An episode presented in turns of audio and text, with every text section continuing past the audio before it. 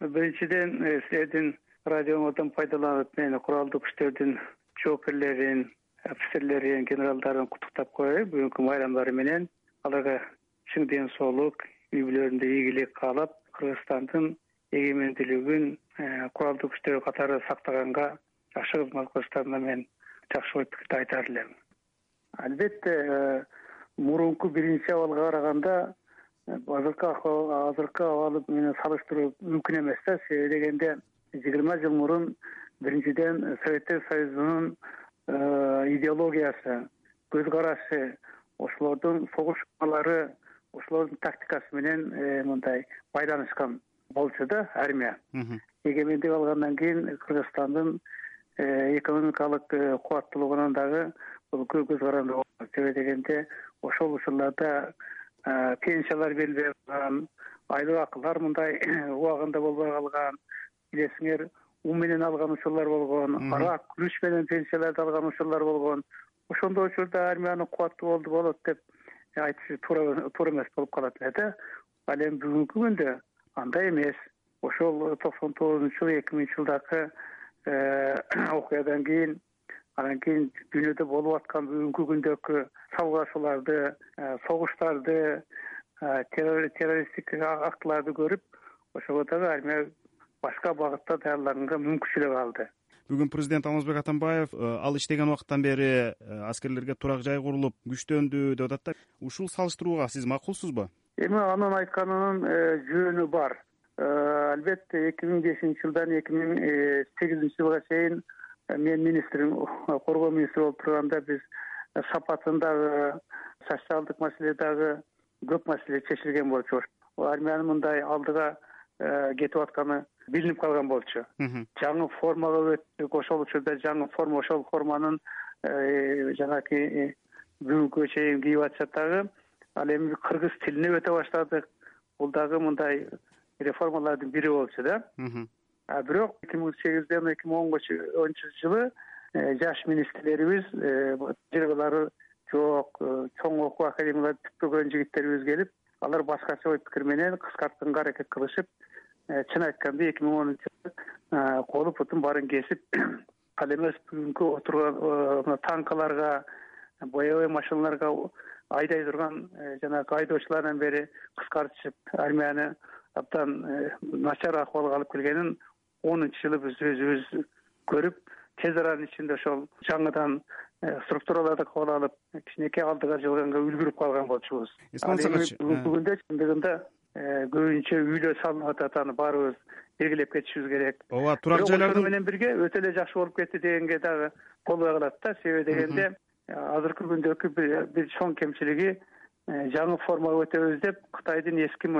материалдарын алышып азыр көрсөңөр баягы күл унаган э, адамдардай болуп мындай начар э, кийимдерди кие башташты. Биздин Э, условияга мындай туура келбеген. Мына ушулар боюнча да кемчиликтер бар. Мен бир жолу өзүм жеке иликтегенде э, бир эки турак жай чоң жетекчилерге же болбосо ошол э, үйлөрдү бөлүштүргөн комиссия мүчөлөрүнө бөлүнүп кеткен учурлар чыкканда анан ал боюнча кылмыш иштери козголгон көп жыл кызмат өтөгөн төмөнкү чиндегилерге кандай бөлүнүп атат? Адилет бөлүштүрүлөт деп ишенесизби сиз?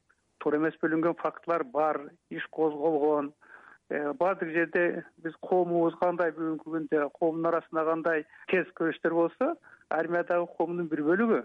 Бирок бул муну массовый деп айтканга мүмкүн эмес. Global fire power деген аскердик аналитикалык портал бар. Ал түрдүү курал жарак акча бөлүнүү аскерлердин саны жумушчу күчтүн саны боюнча рейтинг жүргүзүп турат эки жыл мурда кыргызстанды жетимиш сегизинчи орунга койгон болчу жүз жыйырма алты өлкөнүн ичинен. Өткөн жылы биз жүз жыйырма алты өлкөнүн ичинен жүз онунчу орунду ээлептирбиз да бул акыркы айтылып аткан ийгиликтердин э, тескери жагын көрсөтүп атат да буга кандай дейт элек жок бул э, мындай да армияны биз бир тараптуу мындай баалаган э, болбойт. Биз азыркы жакшы көрүнүштөр жөнүндө азыр экөөбүз сүйлөштүк мурун чындыгында эч кандай үй мындай социалдык маселе чечилбеген маселе чечилип үй салынып берилип аткан фактыны айтып атабыз да. Бирок эми армияны менен мындай жакшы болуп кетти дегенден да калыс болуш керек ооба мен курал жагын айтып атабыз келсек да эми. эми экинчи жагын экинчи жагын айтсак болот да. Экинчи жагында бул ошо армияга бөлүнгөн акча. Жанакы офицерлердин даярдыгын жоокерлердин даярдыгын алардын э, жана тактикадан атуулардан айдоолордон болгон жанакы э, тажрыйбалары кандай болуп атат да. Бул маселе боюнча алып келгенде жанагы фактылар абдан туура. Себеп дегенде ар бир жоокерлер өзүнүн нормасы бар. Канча жолу автоматтан атыш керек канча жолу пулеметтен атыш керек канча жолу танкадан атыш керек канча жолу бмпдан атыш керек канча жолу айдаш керек. Мына ушуларга акчалар азыр бөлүнбөй атат да. Анан кийин силерди даярдай турган тактикалык чоң чоң учение болуп туруш керек. Э, ал өзүнчө бир чоң мындай э, наука. Э, кичинекей командир менен чоң командир менен орто командир менен ошолордун баардыгына ар бир кварталда өзүнчө учение өтүп туруш керек атуусу менен кошулуп учение болуп туруш керек. Мына ушуларга чындыгында жанагы каражатты карап туруп эле айтып койсо болот да армиянын сапаты мындай деп. Бул жагында айткандардын жөнү бар. Ошол күжүрмөн даярдыкка бөлүнгөн акчалар эсептеп келгенде чындыгында биздин даярдыктарыбыз мындай жакшы деп айткандан алыс болушубуз керек. Исман исакович анда мисалы үй берип коюп эле армияны реформаладык чыңдадык деп айтканга болобу анда. Демек э, бул курал жарак э, машыгуу жагы даярдык жагы э, сиз айткандай жетишсизирээк болсо.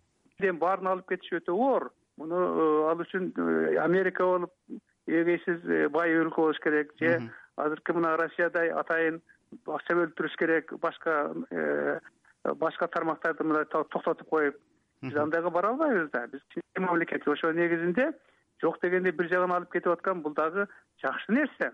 Бирок дагы туура кемчиликтер бар. Ошол даярдык жагына э, көп көңүл э, бурулгандан бүгүн алыс болуп атышат. Аларга көп көңүл бурулбай жатат. Бул бүгүнкү күндүн ачуу чындыгы. Ошонун негизинде гана армиянын кубаттуулугун мындай айтсак болот да. Ошол эле учурда айрым эксперттер айтып атат. Кыргызстан орусиядан эски куралдарды алып атат. Жардам иретинде ошону менен э, орусиянын осколкасына айланып калды деген дагы ачуу бир сөздөр бар да. Ушуга кошуласызбы сиз? Жаңы куралдар келбей атабы бизге. ага биз кошулбайт элек. Себеби дегенде э, алардын куралдары деле биздин куралдардын эле өзүнөн. Бизден айырмасы жок ошол эле куралдар менен орусиянын э, армиясы дагы бүгүн Э, мына э, куралданып жүрүшөт да. Жаңыдан жанагы оңдолгондорду жаңы ремонттодон чыккандардан алып келип бизге берип атышат. Бул бүгүнкү куралдуу күчтөрдөгү куралдар кыргызстандын коопсуздугун сактаганга толук мүмкүнчүлүк бар себеби дегенде бул куралдар дагы жок дегенде жыйырма отуз жыл кызмат кылышат